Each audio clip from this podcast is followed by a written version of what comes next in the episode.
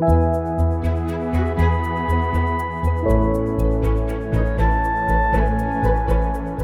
dobry Państwu, przy mikrofonie Magdalena Łanuszka. W dzisiejszym odcinku w cyklu Sztuka Powszechnie Nieznana udamy się w okolice Neapolu. Postanowiłam zaprosić Państwa do wysłuchania opowieści o odkryciach związanych ze starożytnymi Pompejami.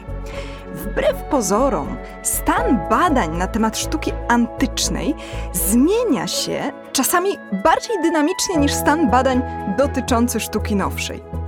Pompeje uległy zagładzie w wyniku wybuchu Wezuwiusza w I wieku po Chrystusie.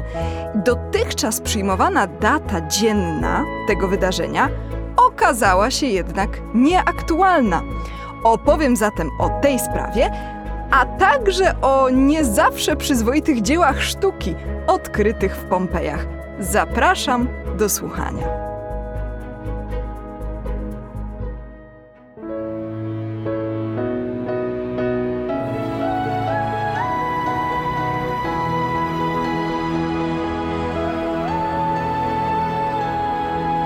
Dziękujemy patronkom i patronom za wsparcie.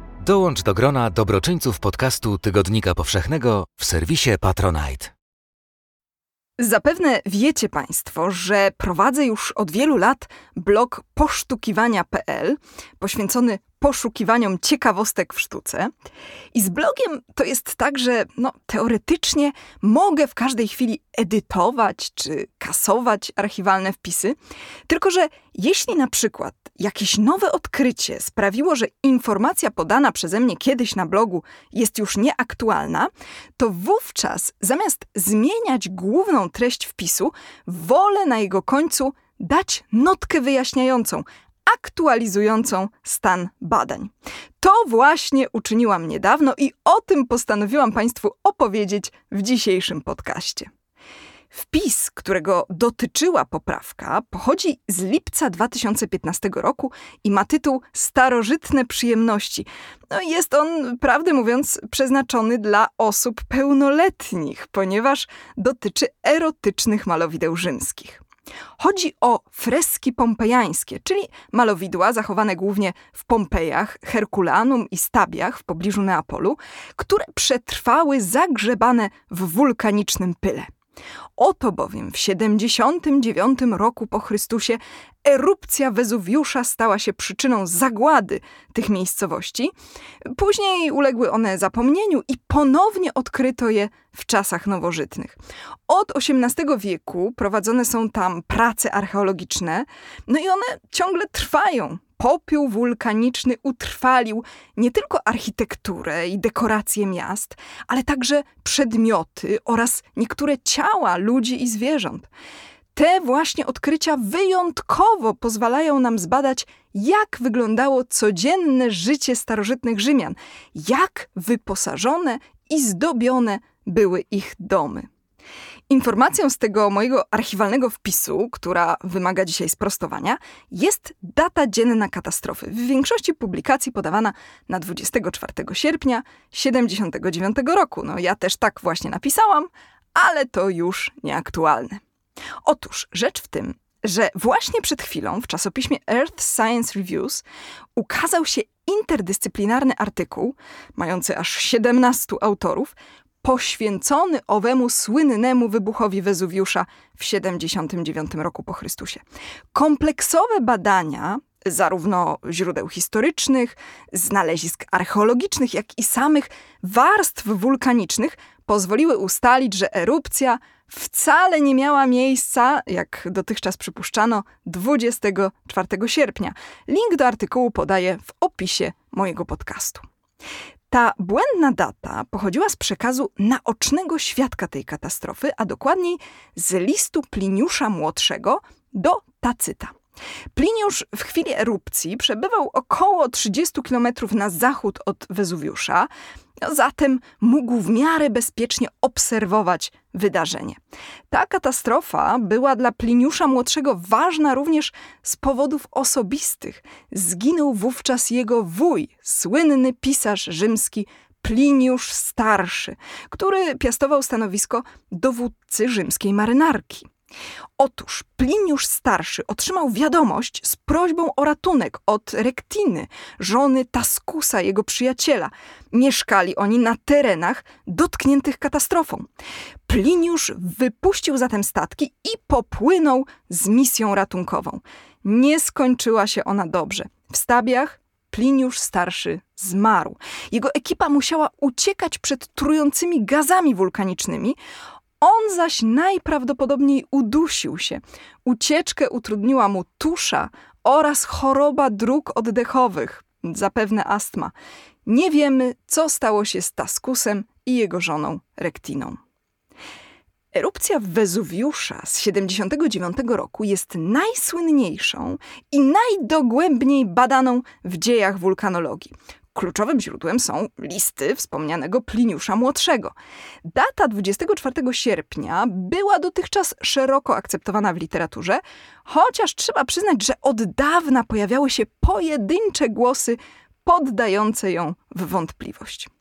Ten list Pliniusza Młodszego, który zawiera datę, został napisany ponad ćwierć wieku po wydarzeniu. To nawet nie chodzi o to, że Pliniusz po tylu latach mógł się pomylić, no to raczej niemożliwe. Natomiast problem jest w tym, że oryginał tego listu nie zachował się. Znamy go jedynie ze średniowiecznych kopii. No a tutaj już wkrada się duże prawdopodobieństwo błędu, szczególnie wobec faktu, że daty w starożytnym Rzymie były podawane w dość skomplikowany sposób. I tak, w rękopisie Codex Laurentianus Mediceus y, z IX wieku mamy zapis, iż wydarzenie nastąpiło nonum cal septembres, czyli dziewiątego dnia przed kalendami wrześniowymi. Kalendy to był pierwszy dzień miesiąca. No, wypadałoby to zatem właśnie 24 sierpnia. Jednocześnie jednak rzymski historyk Cassius Dion, żyjący na przełomie II i III wieku, zanotował, że katastrofa miała miejsce jesienią pierwszego roku panowania cesarza Tytusa po jego 15 aklamacji. To był powtarzany ceremoniał, który znajdował odzwierciedlenie w bitych przez cesarza monetach. Aklamacja wiązała się z aktem Senatu Rzymskiego, często w związku z jakimiś sukcesami wojennymi. Otóż we wrześniu 79 roku Tytus doczekał się 14 aklamacji. 15 więc musiała mieć miejsce później. W dodatku moneta wybita z tej okazji znalazła się w jednym z pompejańskich domów, badanym od XX wieku, w tak zwanym Domu Złotej Bransoletki. Bogata rodzina, która tam mieszkała, nie zdecydowała się w porę na ucieczkę, być może nie chcąc porzucać swojego znaczącego dobytku. No i ciała rodziców i dzieci pozostały w domu. Wszyscy w jednym pomieszczeniu. Ojciec i matka siedzący w pozycjach wskazujących na to, że uderzyła w nich paląca fala. Matka trzymała jedno dziecko, podczas gdy drugie leżało obok. Miała też na sobie złotą biżuterię, od której wzięła się nazwa domu. Wśród wielu monet zachowanych w tym miejscu odkryto także taką, która została wybita po 15 aklamacji cesarza Tytusa, czyli nie wcześniej niż jesienią 79 roku. Już sama zresztą treść listu Pliniusza Młodszego wzbudza wątpliwości co do sierpniowej daty. Pliniusz napisał bowiem, że jego wuj w ramach misji ratunkowej deducit quadriremes, czyli sprowadził w dół, spuścił kwadryremy, to znaczy galery z czterema rzędami wioseł. Otóż co roku następowało tak zwane zamknięcie morza. We wrześniu, w okolicach równonocy jesiennej, okręty rzymskie zawijały do portu na zimowanie, aby wrócić do żeglugi wiosną.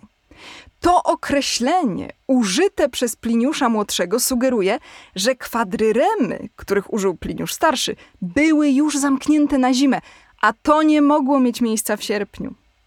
Ponadto istniały inne transkrypcje listu Pliniusza, w których zamiast kalend wrześniowych pojawiają się kalendy listopadowe, a zatem dziewiątego dnia przed pierwszym dniem listopada, czyli 24 października. Średniowieczny pisarz mógł zresztą pomylić datę wybuchu Wezuwiusza poprzez skojarzenie z rzymskim świętem boga wulkana przypadającym na 23 sierpnia, po którym następował Dzień Otwarcia Świata Podziemnego, gdy, jak wierzyli Rzymianie, możliwa była komunikacja między żywymi a umarłymi. Stąd być może w średniowiecznych kopiach listu Pliniusza pojawił się ten 24 sierpnia. Wątpliwości historyków podzielają także wulkanolodzy oraz archeolodzy. Ułożenie warstw substancji pozostałych po wybuchu wulkanu wskazuje na to, że były one niesione przez północny wiatr, odpowiadający typowym w tym regionie kierunkom wiatrów jesienno-zimowych, a nie letnich. Odkryte ofiary były ubrane w ciepłe odzienia. W niektórych domach w chwili wybuchu działały już ogrzewające piecyki. Znaleziono także jesienne owoce oraz wino w terakotowych, zaplombowanych zbiornikach, wskazujące na to, że katastrofa nastąpiła już po winobraniu. No i wydaje się, że sprawę rozstrzygnęło odkrycie z roku 2018. Otóż w jednym z domów w Pompejach, który w czasie katastrofy był w trakcie renowacji, znaleziono inskrypcję nabazgraną węglem, więc na tyle nietrwałą, że mogła mieć co najwyżej kilka czy kilkanaście dni. Mówi ona, że szesnastego dnia przed kalendami listopadowymi ktoś najadł się przesadnie. No w każdym razie ważne jest, że odnosi się to do dnia 17 października. Ponadto cały czas badania prowadzą także wulkanolodzy. Przywołany przeze mnie najnowszy artykuł zawiera również wyniki badań stratygraficznych, datujących kolejne warstwy poerupcyjne. Ostatecznie z tych wszystkich badań wynikło, że wybuch Wezuwiusza miał miejsce nie w sierpniu, ale 24 i 25 października 79 roku. Sztuka powszechnie nieznana opowiada Magdalena Łanuszka. Domyślam się, że zaintrygowała Państwa moja wcześniejsza wzmianka o tym, że wpis na moim blogu, który wymagał sprostowania, jest przeznaczony dla czytelników pełnoletnich, gdyż reprodukowane w nim malowidła pompejańskie mają charakter erotyczny. Właściwie nie chodzi tylko o malowidła, ale także na przykład o odnalezione w zniszczonych miastach rzeźby. Oczywiście już w czasach nowożytnych, a szczególnie później w XIX wieku, odkrycia w Pompejach, Herkulanum i Stabiach no, częściowo stały się dziedzictwem kłopotliwym. Z jednej strony to oczywiście antyk, ale z drugiej sztuka o charakterze momentami pornograficznym. Część dzieł znalazła się w tak zwanym sekretnym gabinecie Muzeum Archeologicznego w Neapolu, część zaś malowideł y, pozostałych in situ początkowo zamknięto w takich specjalnych szafkach. Oglądać te świństwa mogli jedynie mężczyźni o potwierdzonej dobrej reputacji, no oczywiście za dodatkową opłatą. Kolekcja sekretnego gabinetu w Neapolu została otwarta dla publiczności obojga płci i bez względu na ewentualną reputację dopiero w roku 2000. Oczywiście ze względu na to, że ta oburzająca sztuka powstała prawie dwa tysiąclecia temu, no wszystko jest już w domenie publicznej, a co za tym idzie, reprodukcje są w otwartym dostępie w internecie. Już teraz na stronie mojego podcastu zobaczycie Państwo zdjęcia ekspozycji z Pompejów oraz Muzeum w Neapolu. Trzeba podkreślić, że mamy tutaj do czynienia z erotycznymi przedstawieniami o różnym charakterze. Z jednej strony są to po prostu no, przedstawienia par uprawiających seks. Zresztą nie tylko par, bo wśród y, przedstawień różnych pozycji i technik seksualnych, na przykład w malowidłach z term pompejańskich, znajdziemy i trójkąt, i nawet czworokąt. Są tu m.in. dość dosłowne przedstawienia oralnych przyjemności, różne opcje penetracji, no po prostu faktycznie pornografia. Z drugiej strony inne przedstawienia, dla nas często szokujące, funkcjonowały w kulturze starożytnego Rzymu w kontekście religijnym i jako takie mogły znaleźć się nawet w przestrzeni publicznej, nie ulegały ocenzurowaniu. Chodzi głównie o rozmaite motywy falliczne, które w kulturze greckiej i rzymskiej miały funkcję apotropaiczną, czyli chroniącą przed złem.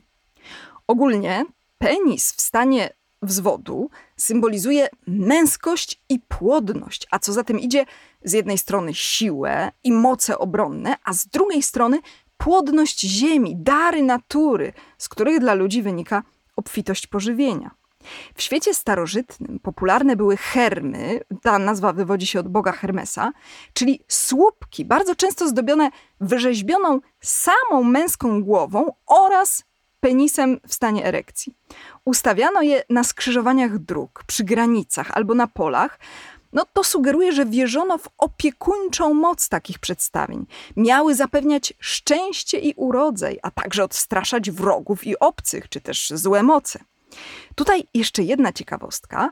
Wierzono mianowicie w tak zwane złe oko, czyli spojrzenie przynoszące nieszczęście. Wspominali o nim m.in. Sokrates, Platon, Teokryt, Pliniusz Starszy, a także Plutarch.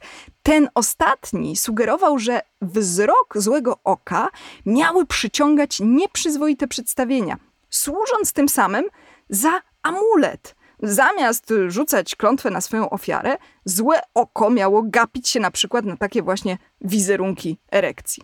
Z tego powodu w starożytnym Rzymie nawet małe dzieci otrzymywały amulety o kształtach falicznych. Umieszczano też takie przedstawienia w domach i na ulicach.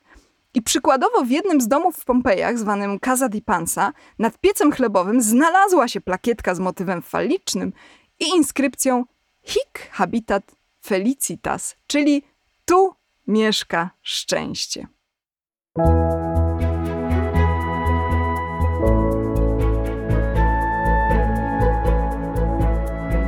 Los Pompejów i okolicznych miejscowości nie był ostatecznie szczęśliwy, aczkolwiek chyba najważniejsze, że większość mieszkańców prawdopodobnie zdołała się ewakuować i ocalić życie, nawet jeśli stracili cały dobytek. Dziś zaś wciąż odkrywamy dziedzictwo antyku pogrzebane w wulkanicznym pyle i cały czas pojawiają się nowe efekty interdyscyplinarnych badań na tych terenach. Być może jeszcze kiedyś powrócę do tego tematu w kolejnym podcaście. Dziś zaś dziękuję Państwu za uwagę. Niechaj zawsze omija Was spojrzenie złego oka i do usłyszenia w przyszłym miesiącu. Magdalena Łanuszka. Jeśli słuchają nas Państwo w Spotify albo w Apple Podcasts, zasubskrybujcie nasz kanał. Jesteśmy też w Google Podcasts i w aplikacji Lekton oraz na www.tygodnikpowszechny.pl/podcast.